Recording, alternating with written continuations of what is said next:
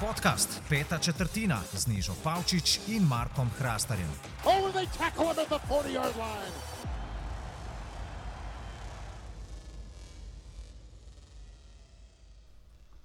Poslušalke in poslušalci, dobrodošli v novi epizodi podcasta Peta četrtina. Zdaj smo se končno spet po dvotedenskem predahu zbrali. Mislim, da smo zbrali kar dober vikend, na drugi strani linije Zuma in na drugi strani Atlantika pa pozdravljam Marka Hrasterja in Roka Gregoriča po verjetno da zdaj pa že prespani noči, ki sta pospremila tekmo med Senci in Baksi. Živijo? Ja, živijo. Tekma se je, glede na to, da je bila 20 do 1 in ne v najnem standardnem terminu, 20 minut čez dve, drugo zjutraj, se je končala malo prej, tako da se, so se uspela na spad, da malo skozi dogodke tega vikenda, tudi malo čustveno je bilo na koncu tekme, ker je bila to zadnja tekma, ki smo jo delali skupaj. Tako da smo malo podoživljali, koliko hitro je šlo dejansko celotna sezona skupaj, da so v bistvu, če malo karikiram, kumi prejšnji teden delala tekmo Texans Chiefs, ki je bil opening night, tako da ja, je bil en tak dan namenjen razmišljanju, kaj, kaj se je zgodilo v Ligi NFL in kaj sva dala skozi to prvo sezono. Ja, Dobrodan vsem uh, poslušalcem in poslušalkam, razen uh, Chase'u Claypoolu in Juju Smith-Schusterju. Zdaj gre pa že tako za res, da je že kar malo hudo, ker pričakujem čez ene tri tedne, ko bo konec sezone, da bo kar tako spet ta depra, pa nestrpno čakanje na, na poletje, ki se bo vse spet začelo dogajati. Oziroma, vsaj draft imamo v mestu za največje NFL edikte. Okay, zdaj, um, jaz se z vama strinjam, da v bistvu nas do konca sezone čakajo samo še tri tekme. In če bojo vsaj tako exciting, kot sta bile meni osebno te dve včeraj, ki sta mi bile boljše kot sobotne, upam, da se bomo vsi zavedali, pa do konca sezone pač v tem uživali. Jaz predlagam, da gremo kar na to tekmo, za katero so vtisi še najbolj sveži in to je tudi ena izmed tekem, ki ste jo komentirali ta teden vidva in sicer New Orleans Saints, pa tam pa Bay Buccaneers. Ja, je bila tako zelo specifična tekma, dosti cajta tudi zenačna, ampak na koncu je v bistvu prevladalo tisto dejstvo, zaradi katerega je verjetno Drew Brees tudi pač rekel z Bogom, Liga NFL. New, napad New Orleansa je v bistvu Alvin Kamera in potem vse ostalo, mogoče tako jedva, kakšna akcija. Mislim, da je imel New Orleans eno akcijo, daljšo od 20 jardov po zraku v celi tekmi, če sploh. Mislim, spomnim se 17 jardov, mogoče če me spomin vara, je bila še kakšna daljša, ampak nasploh, če ni napadalna linija res. 100% in da ima kamara možnost laufati, kukar se mu sprdne, je New Orleans res izgubljen. In tudi, če imajo uh, Letimorja, ki je včeraj pokazal in dobro, in slabo stvar, kar je v bistvu njegova nekako značilnost to sezono.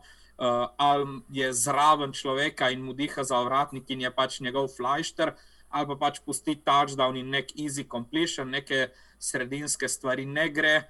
Ne vem, New Orleans je zgledal tako, dokler je obramba še držala, je pol napad še recimo, nekoliko konkuriral, je pa res, da New Orleans je izgubil štiri žoge in kad ti izgubiš štiri žoge in je najslabši začetni field position, ki ga ima Tampa Bay, oziroma pač tvoj nasprotnik, kaj 46 jardov na svoji polovici, kar pomeni, da rabiš kaj 20 jardov in brcaš na gol. Bris je vrgel tri intercepcije in škoda, da se, mislim, jaz osebno se ga ne bom spomenil po tej zadnji tekmi, ampak ni najlepši način, na katerega se je Bris poslovil od lige NFL. Je res, da tisti interception od Kuka ni bil na njem, ker je Kuk kar nekaj se mu odbilo, tako kazemo, drame. Ne vem. Škoda, škoda mi je Brisa, ker je res tako neka simpatična oseba. Res ne vem, se ne spomnim, da bi ga kdorkoli odkrito, ne vem, ne bom rekel sovražil, ampak da bi bili zlobni jeziki uperjeni proti njemu. Na drugi strani pa kaj zvem, Brady je naredil dovolj, dovolj da, so, da so zmagali, spet je imel veliko pomoč obrambe, spet je imel, predvsem Antoine Winfield, je imel tisti lep fumble, ki ga je povzročil uh, Devin White, um, je prestregel tisto podajo, kjer spet. Težko reči, da je bila brisala napaka, ker je kamera kar laufu dalje na tistem avtu. Tako da ne vem, vse skupaj se je v tistih momentih, ki se je tekma odločala, je pač vedno šlo v smer tempe. In pol na koncu razlika, kaj desetih točk je v bistvu, po moje, lih dovoljšna, glede na prikazano. Ja, se tukaj nekaj velik ne morem niti dodati. No. Zelo žalosten zaključek karijere. Jaz sem pričakoval nekako sence v Super Bowlu zmagati, to zdaj pomeni, da je moj bracket šel down the toilet. Uh, žalosten sem za Brisano, ker ni imel dosti pomoči od uh, svojih soigralcev, res v napadu, poleg kamere, pa recimo, ajde še Trikona Smita, ni bilo neki baš pomoči. In Zanima me, kaj bo v New Orleansu, ful sem radoveden, kaj prenaša sezona 2021. Kot sem rekel v ene parih podcastih, pa tudi zadnjih prenosih za New Orleans, eh, fante bo treba plačati, uh, Zelone, Remčik, Letimor, pa tukaj se spisek sploh ne konča. Mislim, da je Hendrikson.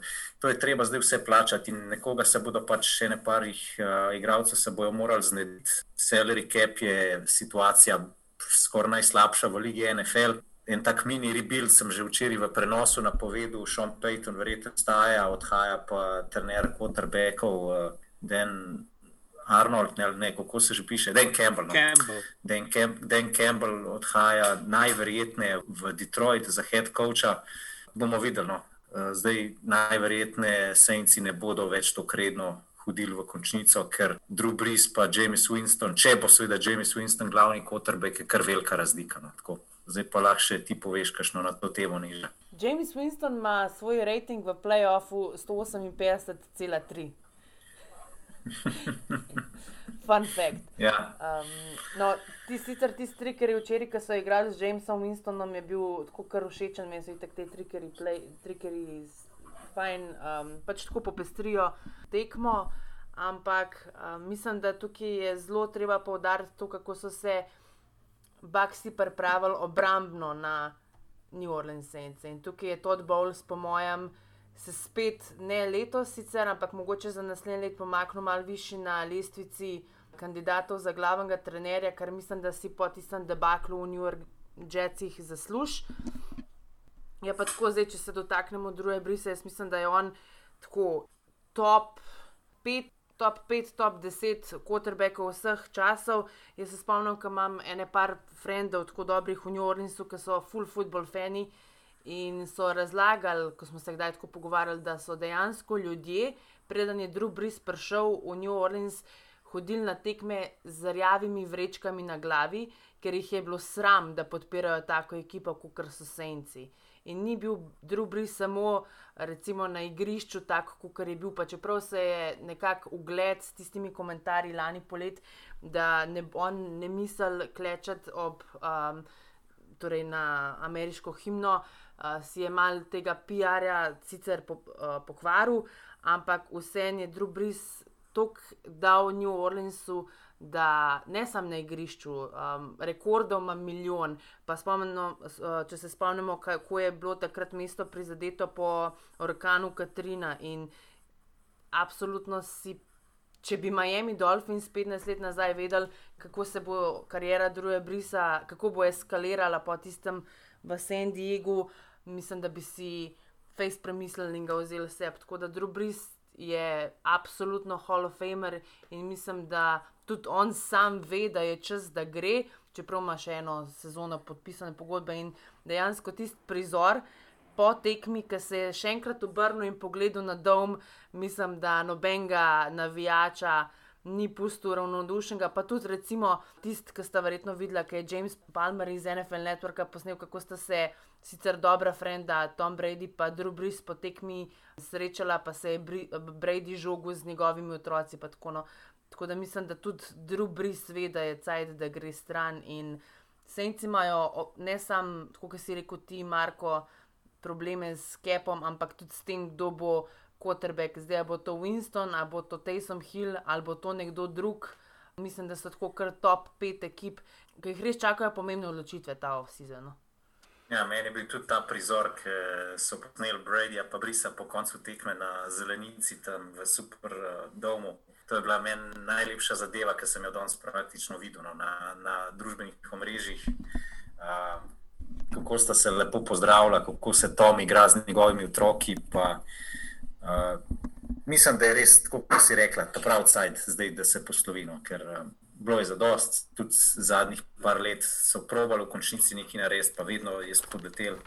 Uh, in ima take številke, drugi, da se mirne duše lahko upokoji. In, Tudi s tem se strinjam, da je top 5 quarterback vseh časov. Ja, top 5, top, top 7, mogoče. No, no, to sem te vprašal, ker smo jih pri tem, kam bi videla brisa postavila. V Hall of Fame. ja, ok, ampak na lestvici, na lestvici najboljših podajalcev vseh cajtov. Jaz, po mojem, na šestko. Jaz, recimo, bi ga na, na petko, evo. Ker recimo, jaz ne vem točno, mislim, kaj je tako, recimo en nivo podajalcev, ki so res oni najboljši vseh cajtov, kar se tiče talenta in vsega unga, ampak recimo, kaj zem, ne nujno v tem vrstnem redu, recimo Brady, Rogers, Peyton, uh, Montana, Young. In potem bi Brisa mogoče postavil lih pod ta nivo, Marino, Marino še tam, in potem Bris mogoče lih pod ta nivo vseh teh, ki sem jih šest, sedem, ki sem jih naštel. Kar se pa tiče, ko je rekla Neža, um, neke zapuščine, ki jo je imel Bris na samo mesto, je pa verjetno.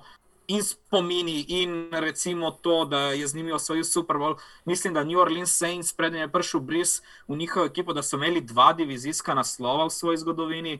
Se pravi, pač oni so bili niko in ništa v ameriškem nogometu. In potem, kar se tiče, po mojem, nekega vpliva ki je on imel na to mesto, se ga da primerjati tisto, kar je naredil Kazem, Lebron v Clevelandu ali pa Michael Jordan v Chicagu. Zdaj, bri, za Brisa se je zgodba očitno končala, tudi za Sence. Marko, ti si že omenil, da so v zadnjih štirih sezonah doživeli štiri absolutne heartbreake. In jaz mislim, da se je to samo še stopnjevalo. Verjamem, da je pri 42 letih tako težje najti motivacijo, zdaj očitno je Tom izjema, ker je v svoji, pri svojih 43 letih, v svoji 43 tekmi v playoffu prišel do 32 zmage. To sem včeraj povedal, da si ne zaslužiš samo kapo dol, ampak velik poklon do tal. Ne? Da ti igraš skoraj 20 sezon, pa da so tri četrtine konferenčni finale. To je tako, no, kar pač vredno nazivati The Goat. Ja, in jaz mislim tudi to, da se vsi strinjamo, da to ne bomo skoraj da ne nikoli več videli, če se ta zga. Bo pa, mislim pa, da nas bo za ta Super Bowl res, da bi si to pred začetkom sezone lahko sam želeli, da se bosta za Super Bowl pomerila. Uh, mislim, ne one, da direktno, ampak to je pač biggest storyline, da se bo uh, Aaron Rodgers ali pa Tom Brady na Super Bowlu. Tako da jaz mislim, da je to top of the top, kar bi si lahko želeli. Zdaj bo pa Marko verjetno lahko povedal še kaj več o tisti prvi tekmi, ki smo jo gledali včeraj, ki je bila ob polčasu iskreno, je meni zgledal, sploh po tistem fumblu v endzonu, da je to že dan story. Pa pol smo videli, da en play ali pa ena poteza lahko tekmo zelo spremeni tista zadeva, ki se je zgodila, vsi govorijo o tem, da je to najbolj glupo pravilo v Ligi NFL, ampak pač pravila so zato, da se spoštujejo. Jaz bi ga tudi spremenil osebno. Vem, če se me vpraša, na kakšen način bi ga spremenil, bi ga verjetno tako, da ima ekipa tam, kjer se. Zadevo Fambla, ali pa da se da recimo ekipo, ki igra v napadu na 20 jardov, res, what it is lahko rečemo.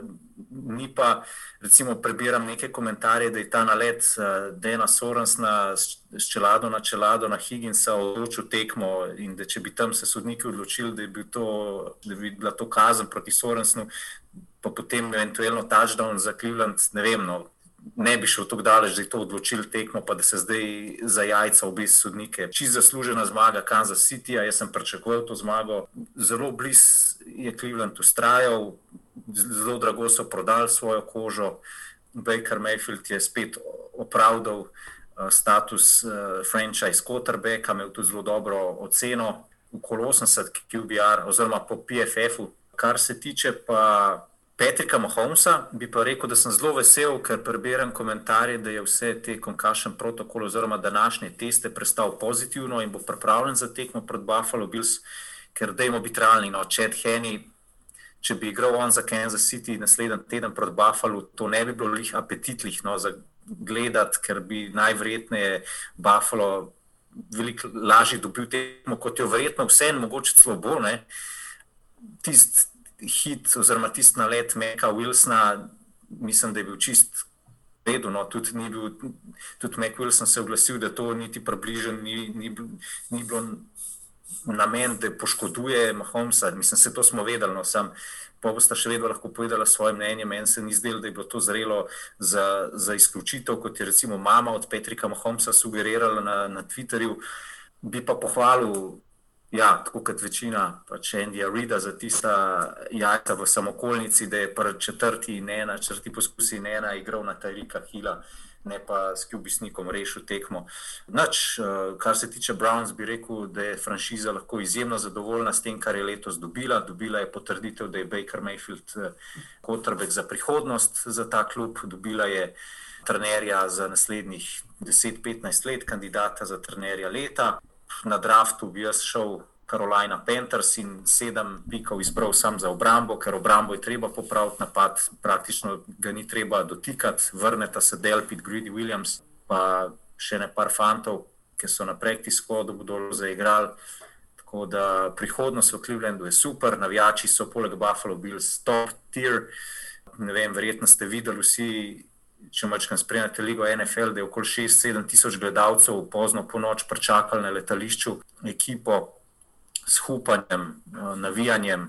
Tako da je to bila še ena dodatna spodbuda za fante, da so res dobili potrditev, da je ta sezona bila en velik uspeh, kljub temu, da pač je bil to poraz proti Kansas Cityju. No. Tako en hiter rezime vsega skupaj.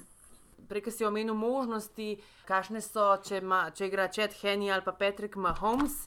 Zdaj izkoriščam vse prednosti tega, da sem že v Ameriki na BMI ESPN 24-7 in je lih prej Sage Steel prebrala nek stat, da če imajo čivsi v nedeljo Patrika Mahomesa, imajo možnosti za zmago 61 posto, če so brez Patrika, se pa to spusti na 32. Tudi zadnji, zadnja poročila iz Kansasa so, so zelo obetavna, sicer se bo do konca oziroma do srede sestavil še z nekimi ne, od čivsov neodvisnimi nevrologi, ki bodo preverjali. Nekje povprečno je sedem dni, da se zadeva popravi, tako da jaz mislim, da bi vrnil na Holmesu manjkati dobesedno pol noge, da ne bi igral v nedeljo. Glede tistega. Ja, pa se je problem v tem, da sploh ni imel pretres možganov, ampak uh, je šlo za ukleščen živc v vratu. Ne. Zaradi tega je pač zadeva toliko bolj verjetna, da bo zaigral, ne. ker sploh ni bil pretres možganov. Kot se je prvotno videl, glede na to, kako je Mahom zgledal, oziroma je bil čist zmeden, ker ne ve sploh, kje je. Jaz mislim, da je v tistem pokazal Trevisa Kelsija, ali pa po tem pleju je pokazal Trevisa Kelsija, kako je tako prav disbelief mu piše na faci in je bil čist bled in je tako le gor gledal z masko, da ne ve, da dobesedno ni mogel verjeti, da se to dogaja. Sicer pač nikoli ni fajn videti nobenega igralca, um, da je poškodovan, pa da ne more igrati. Tudi, recimo, polka bomo šli naprej. Tudi za Lamarja Jacksona ni bilo fajn videti, da je mogel sobotno tekmo zapustiti prej, in je pa s tem ponudil nek dodaten zagon Brownsom, Brownsom da se mogoče pride do kakšnega preobrata. Tako da tisti, um, mislim, da je Henny vrgel tisti pik, um, je bilo res možnost, da, da Cleveland kaj naredi. Pa tudi že prej, mislim, da so, zma, da so znižali na 19-10, bi jaz takrat rekla, da bi moral Cleveland igrati za dve. Zdaj lahko je biti pameten ja. po koncu. Ne? Lahko bi tudi igrali v četrto, ker so imeli četrt in sedem. In Stefanski je rekel, da če bi bilo mačken krajš, se pravi, če bi bilo štiri in štiri ali pa štiri in pet, bi probal, tako pa je bilo štiri in osem ali nekaj tasga, ali celo štiri in devet, se pa pač ni odločil za igranje v zadnji četrtini. Mi je pa še ena zadeva zdaj svanula, touchback od Rašada Higginsa. Ne?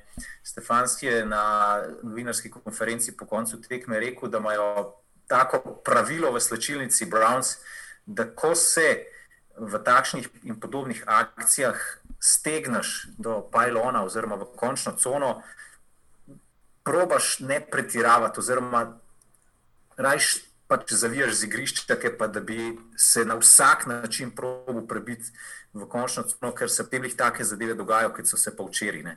Da, da pride do touchbacka, in da je bil pa pač Higgins mačkam požrešen. Mislim, Stefanski ni rekel, da je bil Higgins požrešen, ampak je rekel, da spoštuje to njegovo odločitev, da se je res maksimalno želel potruditi za ta, da je že v žaru borbe, pač verjetno pozabil na to njihovo interno pravilo. No. Vse zgodi, kaj je bi ga. Ja, to je tako, da lahko to interpretiraš kot kao sebično, uno, kao hotel sem narediti preveč, lahko pa tudi samo tako reči. Človek se je stegnil, koliko je bil dolg in širok, da bi ja dobil tisto točko, mislim, touchdown, tistih šest točk, da bi dejansko ekipo priključil. Tako da to je vedno tako dvorezen meč, ali je to pač bila prava odločitev ali ne, da se stegneš. Po mojem je to res neki. Nekem afektu, nekem žaru borbe, pač probaš narediti čim več, kolikor lahko, in pol taki naleti se zgodijo, so sestavni del tekme, športa. In ja, vse v bistvu je bilo že vse, kar, se, kar je omembe vredno, bilo, je bilo že povedano. Tako da jaz res upam, da bo Patrick Mahomes uh, spreman za naslednji teden, da res bomo tisto poslastico dveh, verjetno trenutno najboljših mladih podajalcev v Ligi NFL.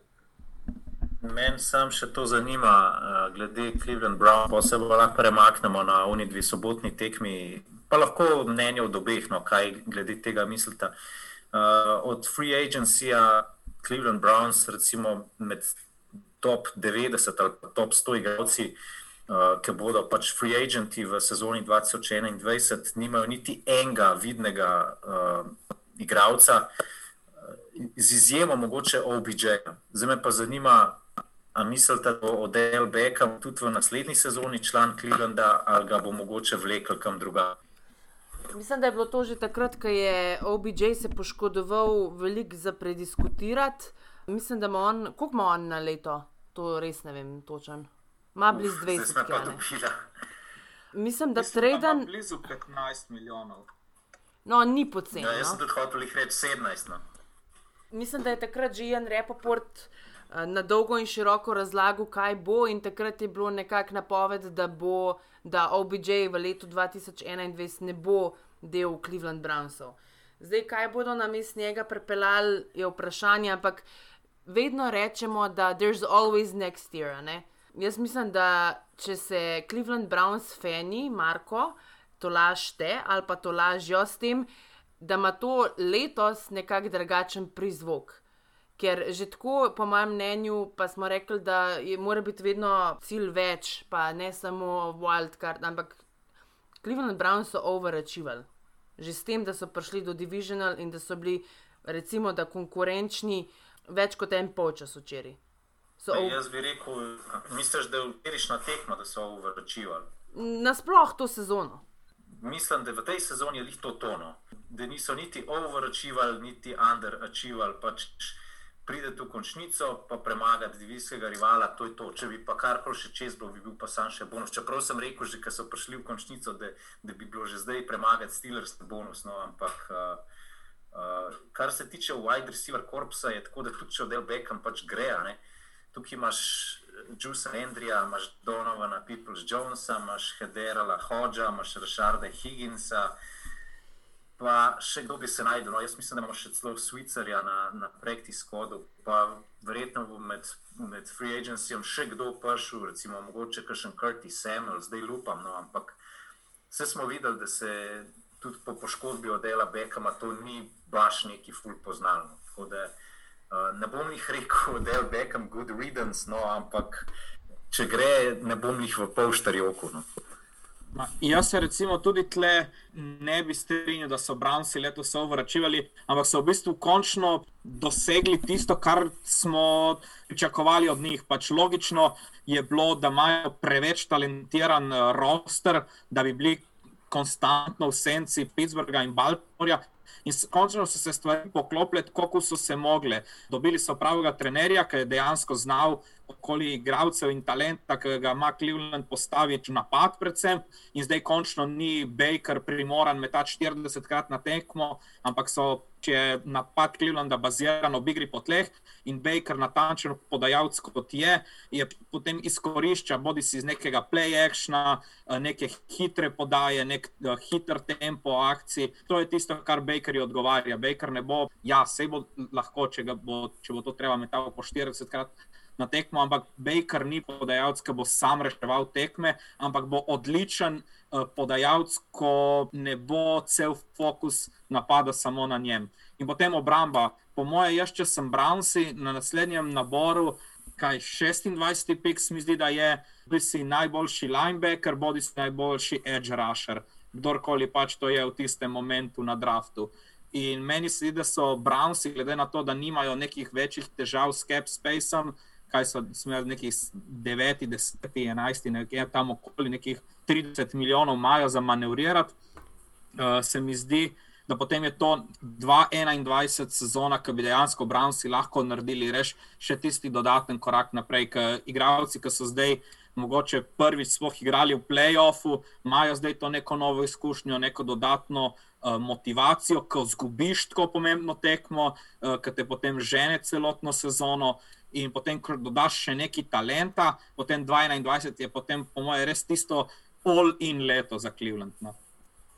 Ja, tako kot sem jaz rekel v pogovoru z rokom, Cleveland Browns so eno sezono oddaljeni od tega, da so Super Bowl contenders. Pa čeprav se to sliši zelo čudno, glede na to, da so bili še pred začetkom te sezone The Butt of Every NFL Joke všeč mi je bil ta status underdogov, tako kot recimo Filadelfija 2017, ki so bili kar underdogi, pa kar še naprej se jim smejemo, pa se jim še pol naprej smejemo, dokler ne zmagajo v Super Bowlu. Ful mi je bilo všeč to, da že Pittsburgh je podcenjeval, pa so bili nameless grey faces, pa pol Kansas City je na Facebooku že poneslič objavil AFC Championship Game datum, pa Sammy Watkins je rekel, da Brownsi ne bodo li competition. Mene je bilo to ful všeč, ker se mi je zdelo tako, ja, dajte više naprej podcenjevati, pa Browns are the Browns, mi bomo pa lepo garali, pa mogoče celo še koga presenetili. Včeraj se se ni posrečal, mogoče se bo pa naslednjo sezono, vse Browns so franšiza, ki so v uptrendu. No. Uh, recimo, jih obratno, kot pa New Orleans Saints, ki smo prej govorili. Dej, gremo se premakniti na, na sobotne tekme. Buffalo je uspel premagati uh, Baltimore v vetrovnih razmerah v Orchard Parku, je bilo vse tako slabo za kikarje, da je še Justin Tucker dvakrat stresel vratnico.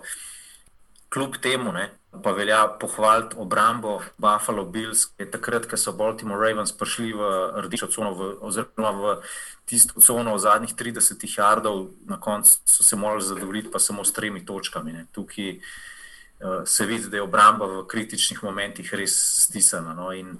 Če bi sam moral delati en depth chart pomoči, no, kako bi razvrstil štiri ekipe, ki so preostale v boju za Lombardijevo trofejo, bi rekel Green Bay Packers, Buffalo Bills, Kansas City Chiefs in Tampa Bay Buccaneers. No, ker najbolj kompletni so mi Green Bay Packers, tudi izjemno samozavestni na vseh pozicijah, izjemno dobro popolnjeni. Pa pa Buffalo Bills, ki pa tudi zdaj le trenutno letijo. No. Kako sta vedela, videla tekmo?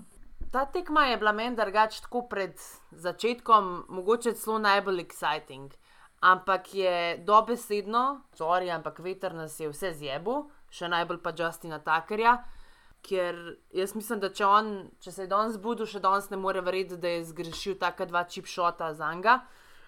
Če smo se recimo tekom sezone ali pa do enega meseca nazaj sprašvali, kaj bi bilo, če bi Buffalo imel dobro obrambo, ja, tokrat so dobesedno Buffalo Billsi spasili svoj napad. Mislim, obramba Billsov je rešila svoj napad takrat, ko ne gre, so nekako zdaj dokazali, oziroma pokazali, da so ekipa, ki se lahko zanese tudi na svojo obrambo. Predvsem s tem mislim, Pixix, 101 yard dolg, ki mislim, da je takrat že odločil to tekmo, 10-3 je bilo, Baltimore ni imel absolutno nič v napadu in tudi tukaj. Prijemo do tega, da bo Baltimore nekako mogel letošnjo, letošnji off-season se močno zamisliti, Jaz mislim, da Lamarja čaka, recimo, tako kot je Josh Allen v tem off-seasonu zelo napredoval, bomo tudi Lamar Jackson mogel malo se zamisliti, ker koliko je imel dropbackov, zelo mal. To ni količ, da lahko imaš ti dropbackov sam pet ali pa deset ali pa celo high school, ki um, se take stvari igrajo.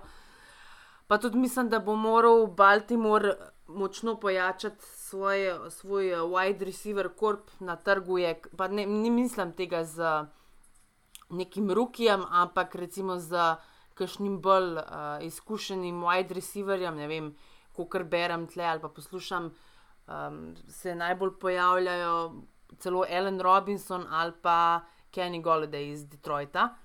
Da sta dve opcije, ker to, da so proti koncu sezone dodali Deza Bryanta, Deza Bryanta je bil nek obližno za krpati to, kar so morali.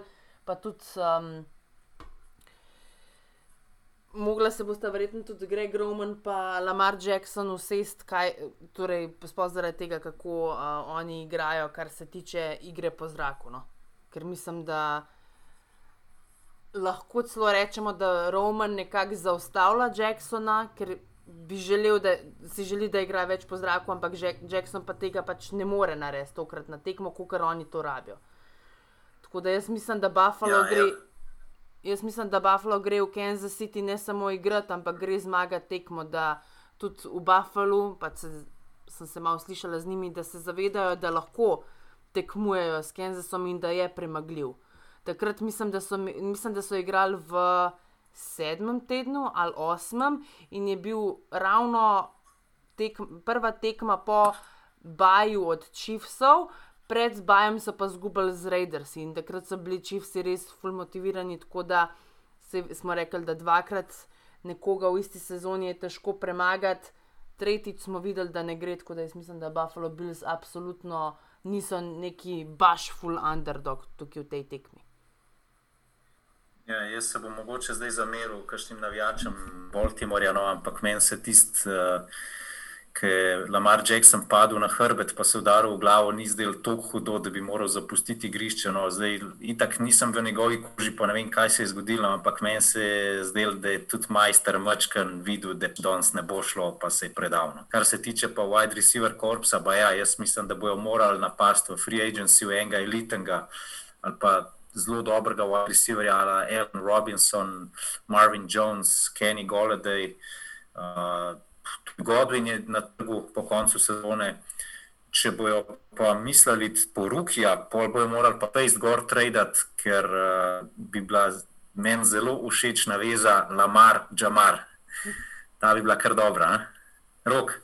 Meni se zdi, da Baltimore vseeno je ekipa, ki je toliko že vložila v svojo napadalno linijo, plačala in Stanleya, in tudi potem, mogoče celo Browna, nisem prepričan, ampak v vsakem primeru Baltimore uh, ne bo spremenil identitete svojega napada, nasploh svoje ekipe iz danes na jutri, in po moje bo to še vedno ista ekipa. Tudi v naslednji sezoni, s tem, da bojo, kot so že pokazali, um, z nekaterimi tradi za recimo veterane, kot so vem, Campbell, Peters, izkušene igralce, ki so preverili med Judanjem na franchise tega, tako da bo zanimivo, kaj bodo tam naredili.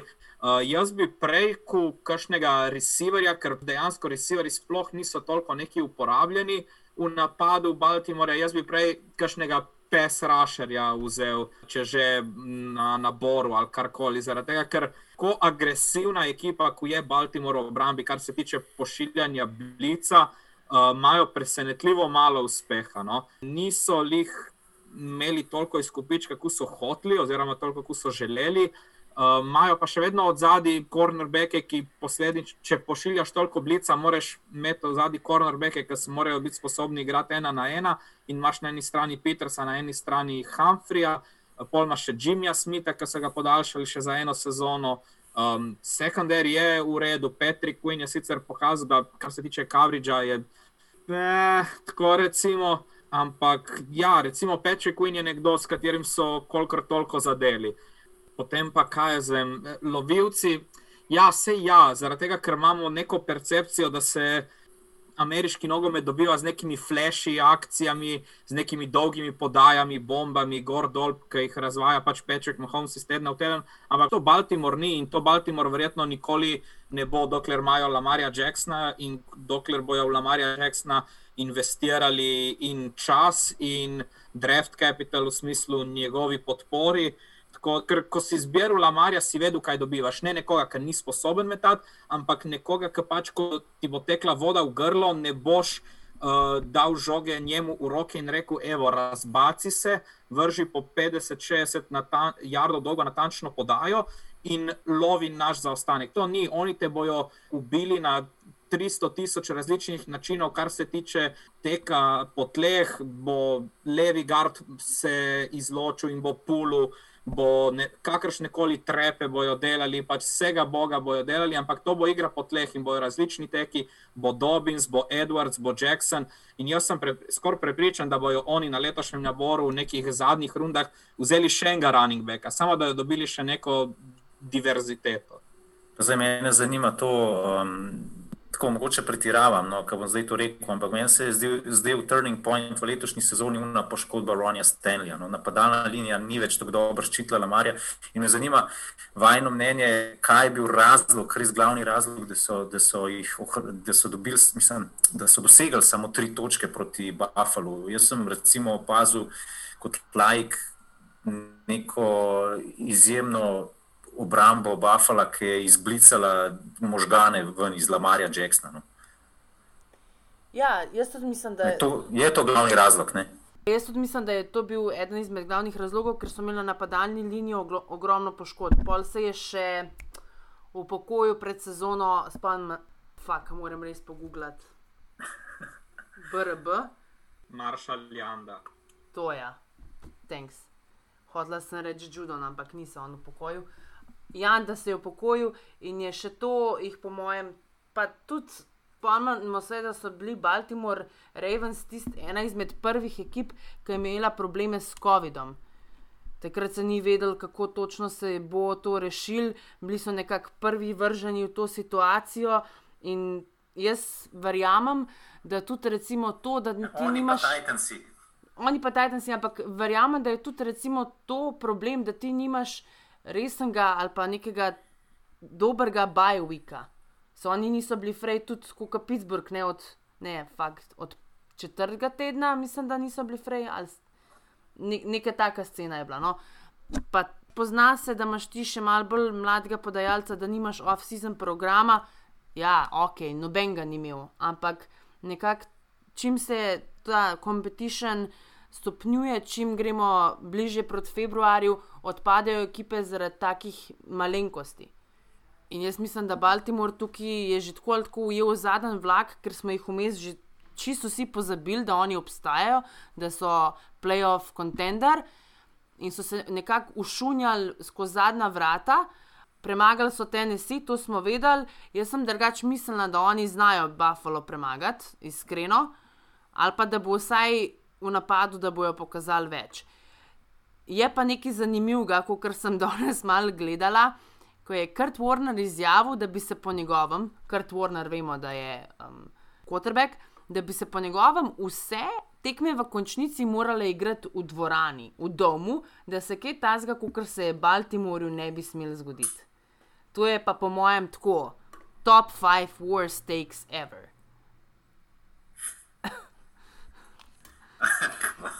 no, pa dej, no. Ja, vse tekme v končnici bi se morale igrati v dvorani, pa v, v, vsi igravci bi morali imeti uh, še masažo pred začetkom tekme, pa po tekmi masažo, pa potem bi se jih morali še malo poborati, pa s psihologom pogovoriti, da je what the fuck. No. Se mislim, da je pol hotel na to obrniti na foro, ampak noben ni več tega kupopolno. Da, what the fuck. Come on. No. Ja. Torej, strinjamo se, da je Buffalo prišel zasluženo v AFC Championship. Absolutno. Ja. Cool. Zasluženo je prišel pa tudi Green Bay. Ja, to bo zadnja tekma, ki jo bomo um, naslovili. In jaz mislim, da tudi L.A. Ramsey Ker že omenjamo te ekipe, ki imajo veliko off-seasonu za narediti, so ena izmed teh ekip, ki jih čaka kar do zdela, predvsem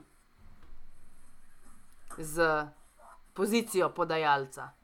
Ja, jaz, eh, tako kot zmeri, pač kurcam Jareda Goffa, ga moram pa zdaj pohvaliti, kakšni časi. Ja. Jareda Goffa, morsko ribo, ponavadi, eh, čim imam pet minut časa, ga skurcam, kako je za noč, kako ni elit, kako je tista uvrstitev v, v Super Bowl bila en navaden. Bi temu rekel, slepa kura, zrno najde. Metati tako, da imaš potem po PFF-u oceno okoli 80 proti Green Bay Packers, držati ekipo v igri do zadnje četrtine, šapo. No. Tako bom kar rekel tudi. Uh, uh, Aaronu Donaldu kapo dol, glede na to, da je z narastiščem eh, rebra na gruncu zelo igral celo tekmo, na koncu ga ubile soze, ker pač daš vse od sebe, še trener te drži na sidelineu, namesto da bi te čisto vsak snap noter poslal. In če se mi kdo smil v ekipi LA Rams, je to Aaron Donald, no, najboljši igralec v ligi NFL, definitivno. Lahko narediš to, kar je v tvoji moči, več pa ne. ne. Proti Green Bayu, tako popolni ekipi, kot so, je bilo to tokrat premalo. No. In uh, dvoboj Ramsey, Adams, težko se rečemo, da je dobil Adams, no, ker ga je uspel Ramsey nekako umejiti. Bo pa Green Bay zdaj dočakal v mrzli tundri, tam po na minus 4 stopinje Celzija, pa je, da bo še celo snežil težko, težko vidim, da bi tam pa presenetila še Green Bay. No. Glede na to, da nekih bitnih odsotnosti ne bo, pa da je ta še vedno svoj pogled na to tekmo na Lambo Fieldu, kjer smo končno dočakali tudi nekaj gledalcev. Zdaj, po zadnjih, mislim, da uradni podatki so, da jih je bilo 6000, nama z rokom, ki smo delali tekmo, se je zdelo, da jih je bilo 26000 na stadionu. Pa tudi slišali se je tako in tudi Aaron Rodgers je v intervjuju po koncu tekme rekel, da je wow, to je pa čist drugačen občutek, ki prideš. Uh, na zelenico, ki pretečeš ven iz tunela in te vsem pozdrav, vsej piščice gledalcev.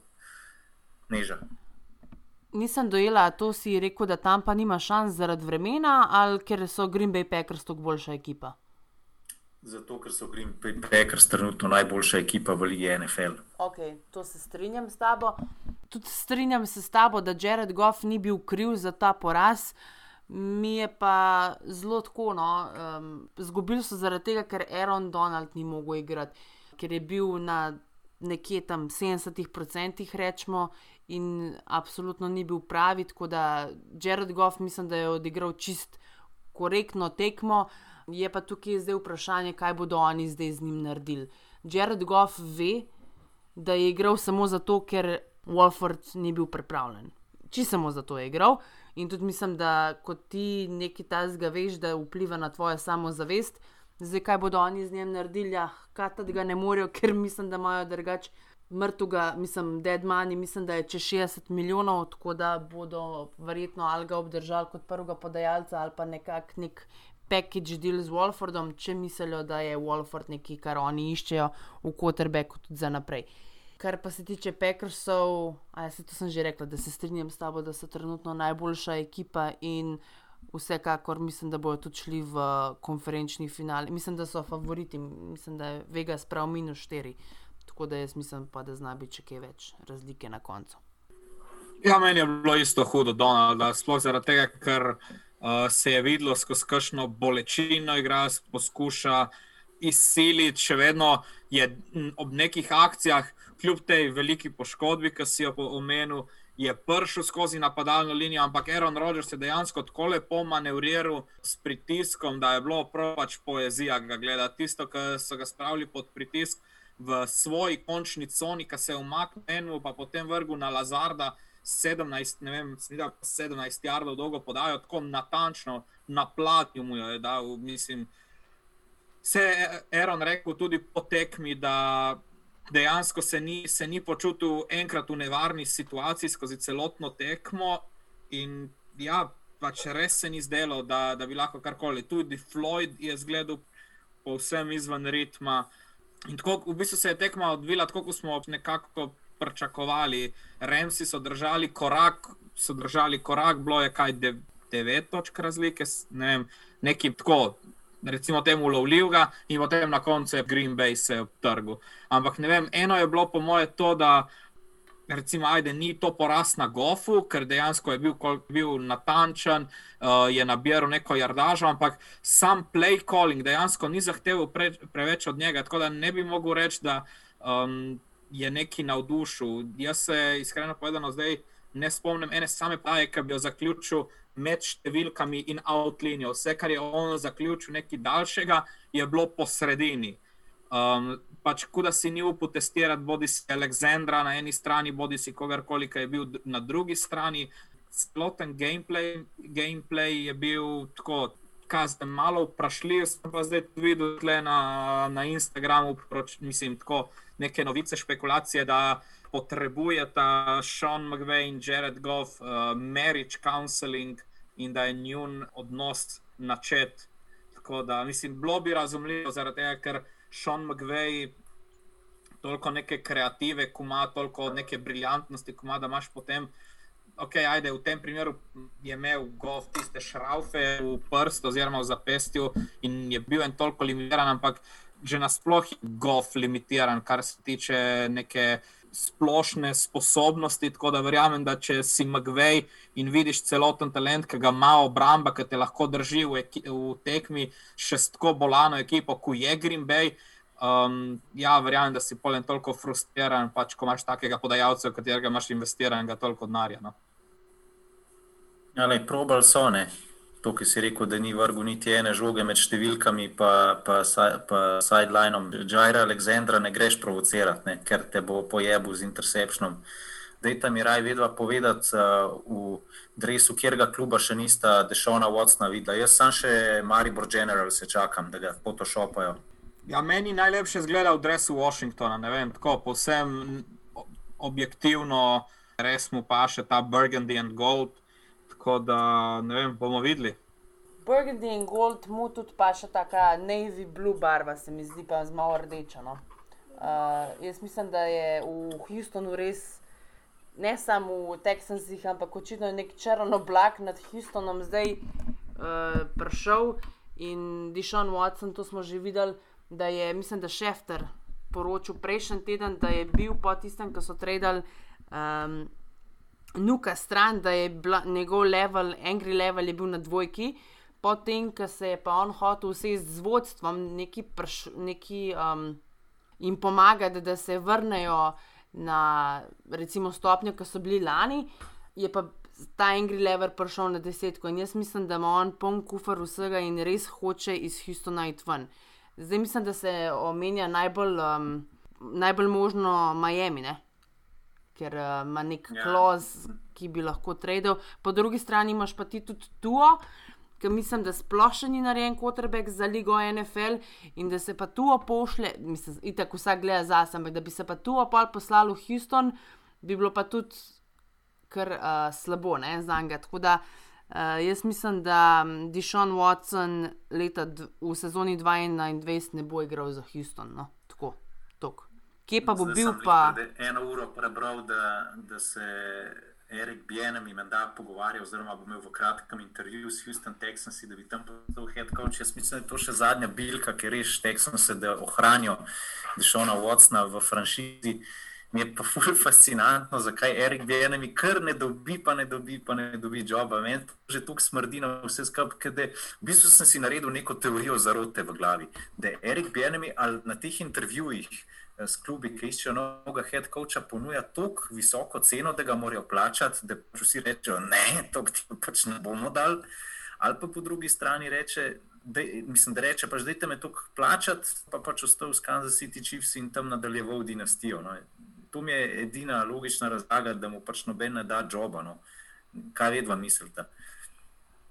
Očitno morajo res tako zašuštrati vse skupaj na teh intervjujih, da mu noben ne, ne ponudi službe, ki meni ni jasno, ker že lani bi mogel biti, glede na to, kakšno sezono je imel in Holmes, bi mogel biti pač ločno prvi ko, m, kandidat, njegov koordinator napada, letos isto. In, ne, se mi zdi, da bo prej ne vem, en Josh McDaniels dobil službo pri Eaglesih, kubijenimi kjerkoli drugje. Ne vem točno, kaj mora iti tam uh, na robe. upam, da se ne bo spet tako, kot se rado zgodi v Ameriki, da se bo hitro to z neko barvo kože povezalo. Ne vem, upam, da se za, za voljo njega, za neko novo priložnost in za voljo tega, da ne bo šel nek, nek narativ, nek kaj zvem.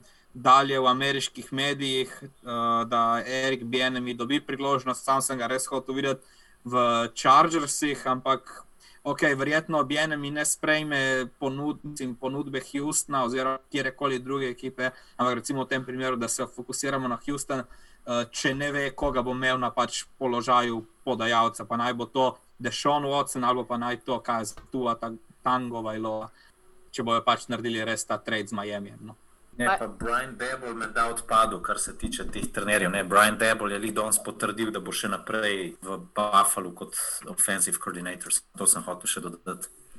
By the way, lihkar je Jeremy Fowler iz ESPN, mislim, lihkar eno uro nazaj je Jeremy Fowler iz ESPN-a tvitnil, da so Seahawks izkazali za uh, zanimanje za nekdanjega trenerja Jetsov Edama Gejsa, da bi bil njihov, Gejsa, ja.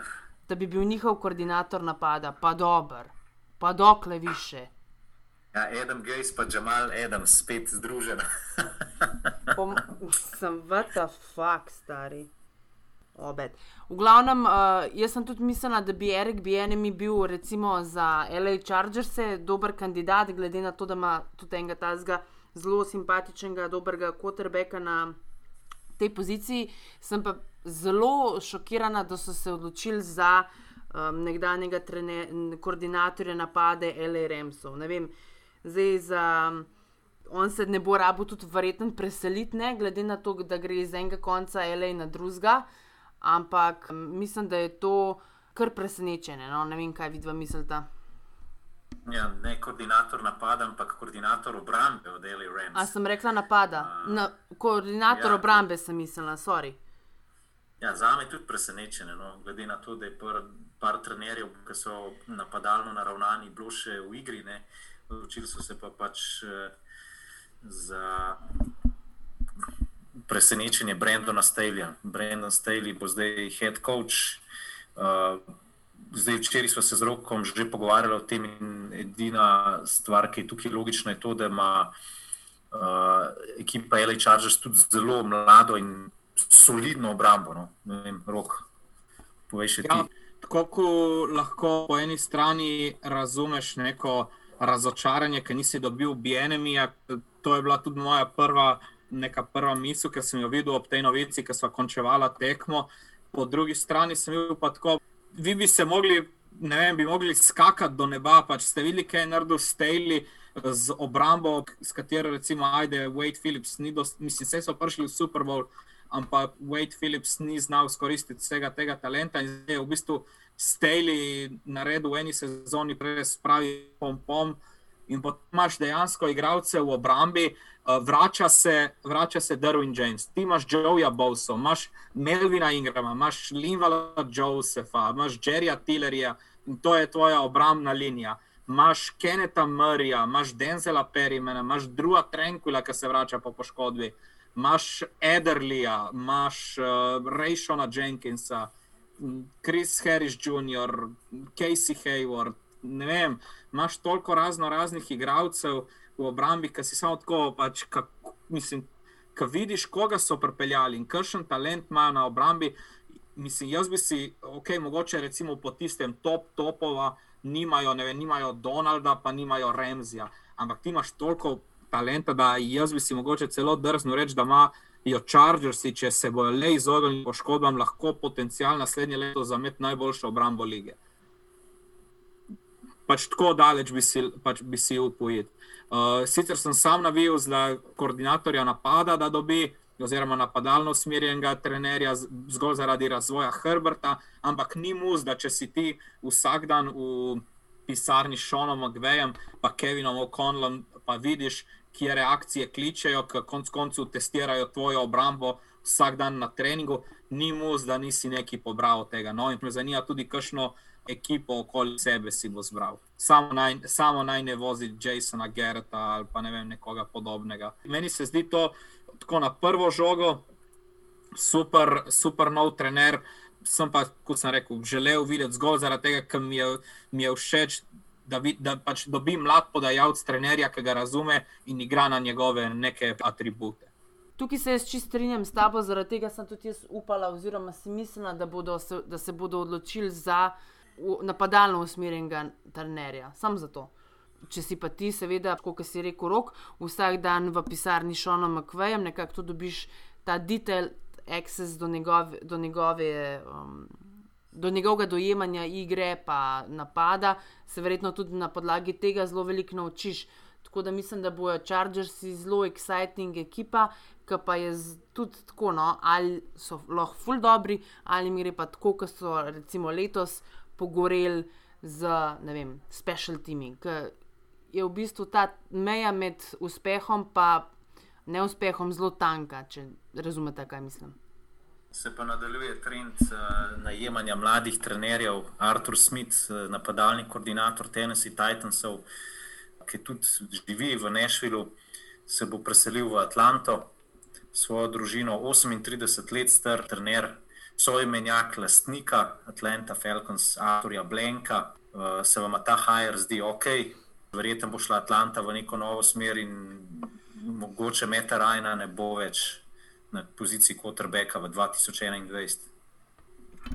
Ja, mene zanima, kaj bojo Falconsi v bistvu naredili na draftu, ker ne izbiraš številko štiri vsako leto in ko si tako visoko, moraš, enostavno moraš zadeti s tem svojim draft pikom. In bo zanimivo, ali bojo mogoče počakali, da se stvari tako odvijajo, da vzamejo Zeka Wilsona kot nekoga, ki bi lahko potem v, po sezoni oziroma dveh prevzel vajeti uh, strani Meta Rajna, ki je verjetno kljub nastali situaciji težko ga bodo premaknili, predvsem zaradi tega, ker ima cap hit, mislim, da 38 milijonov dolarjev in je to res konkreten zalogaj za katero koli ekipo, uh, pa tudi pa starje. Ne veš točno, kaj bi lahko dobil za njega, in po mojem, je najlažje za Atlanto, da enostavno odigraš še tisto sezono, dve, ne vem točno, kje je potem opt-out v tisti uh, pogodbi. Ampak jaz, če sem Atlanta, vzamem visoko pač nekega mladega podajalca. Ali mogoče pade Justin Fields do štirke, ali pa Zach Wilson. Razen če pač ne bo potem Arthur Smith kot nekdo, ki je videl, kako se zmaguje v Tennesseeju in to je bil recept. Run game, run game, run game in dobra obramba, da bi vzel nekega najboljšega obrambnega igralca v tistem primeru, pač kdorkoli je to po njihovem mnenju. Tako da bo zanimivo videti, že v bistvu od prvega drafta, kako bo on pregledal svojo ekipo, kje bo videl luknje in če se bo pač prvo lotil. Tako da, po moje, se bo glede na to, kaj bodo oni izbrali v prvih parih uh, krogih nabora, videlo, v kakšno smer grejo kot ekipa. No?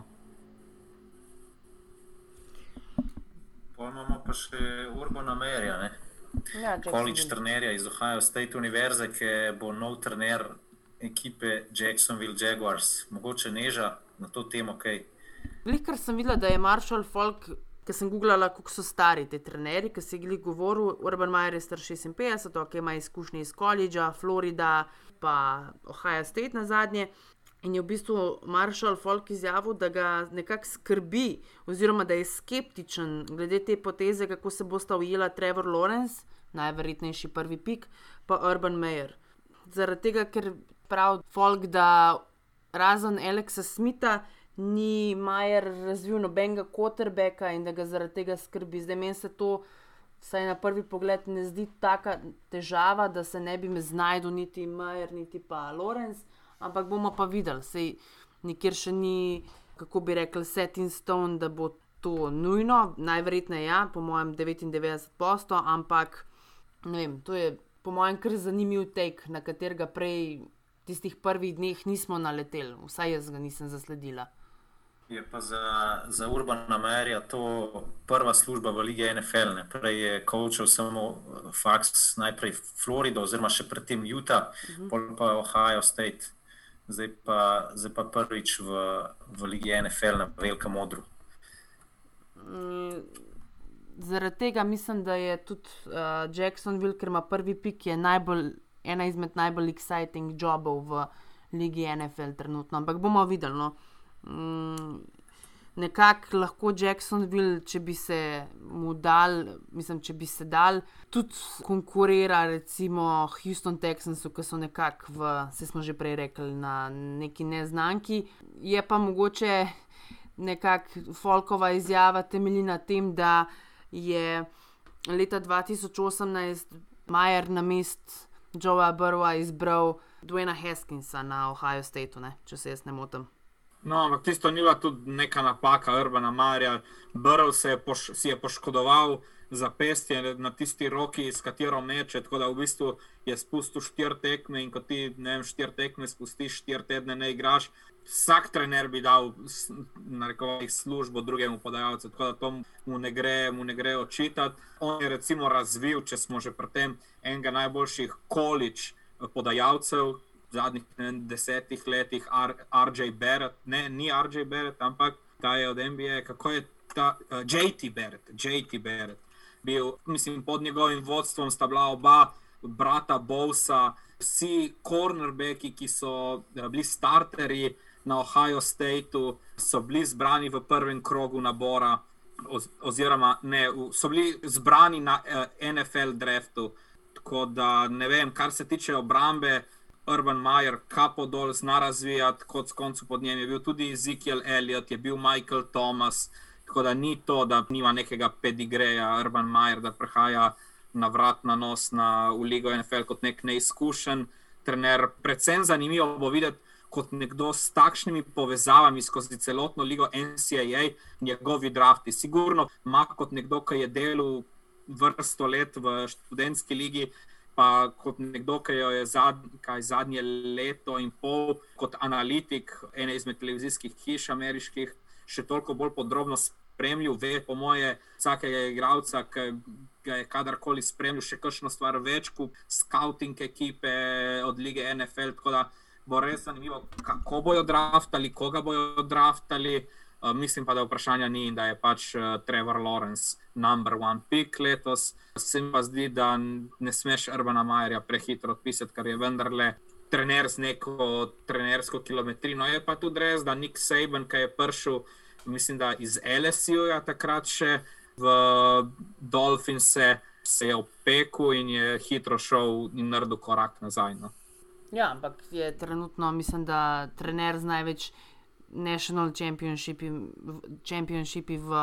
No, no, vse, ampak ne. nekateri, nekateri, nekateri pač se ne znajdejo. Ja. Noč tazga je pa one of the goats v koledžu. Ampak razumem, tvo, razumem tvoje mnenje, kaj želiš s tem povedati. Da bomo pač videli, ali je Urban Meyer college coach ali bi se znašel tudi v proju. Bi rad tudi nekaj Sabana videl v NFL ligi, coachati. Po mojem, da se ne bo nikoli več zgodilo. Enkrat se je opekel, kot je rekel Rok, in to je to, po mojem. Osev, ne, nik Sejben ne bo šel dvakrat na let. Ja, fanta, noč mislim, da smo s tem v dobri urci kar vse zaobjeli, kar smo imeli za prediskutirati po Divisional Weekendu. Bomo ta teden, spet potem proti koncu tedna, verjeten petek, sobota, posneli nov podcast, da bo čez vikend gor z nekimi championship previewji, da bomo imeli res zadnje novice, pa bomo lahko tudi povedali zadnja mnenja, kdo bo letos na Super Bowlu bil. Tako da najbolj, da se slišimo proti koncu tedna, pa še takrat, kaj zapametujemo. Mogoče bomo imeli paket zelo pravno zdaj. Ja, v bistvu manjka samo še to, da je Neža Pavčič pove, kako se ima kaj v Ameriki. Um, cool, vse sem rekla, da uživam, ker gledam ESPN 24-7, vroče je 20 stopinj, sonce, morje, top. Ej, dajmo samo še en hiter uh, refresh narediti. Kako smo mi na začetku napovedali Super Bowl? Rok je rekel Kansas City proti Seattlu, Neža ti si rekla Kansas City proti Dallasu. Ja. Jaz sem rekel pa New England Patriots proti Green Bay. V bistvu smo še vsi v igri, da imamo vsaj enega udeleženca v, v Super Bowlu. Ja, pa pa. We got that going for us. Tako, ampak zdaj, ko smo delali te brekete pred začetkom, jaz sem še vedno aktiven s Super Bowl, ker sem dal Bill Speckers. Jaz ga imam tudi, ker ja, sem dal Chief Speckers. Jaz ga imam tudi aktivnega, prosim, ker sem dal Chief Speckers. Marko, mainstream hater je edini. En majster v Srbiji, ne? Ja, lej, bolj se ne obnese. Je pa en majster v Srbiji, ki ga in medva followala, in on naju, Mr. Peck, navija za Green Bay Packers, obvisli. In je model zaenkrat 10 od 10 na Brekatu, vseh 10 tekem je zadev. Svaka čast. Napoveduje tak konferenčni finale in NFC in AFC, tako da svakam čast res. Ej, lepo je bilo spet slišati, videti, tako da se slišimo, kaj je v petek, nekaj tazga, poslušalcem in poslušalkam pa ova. Go Browns! Ajde! Ajde, čau, čau.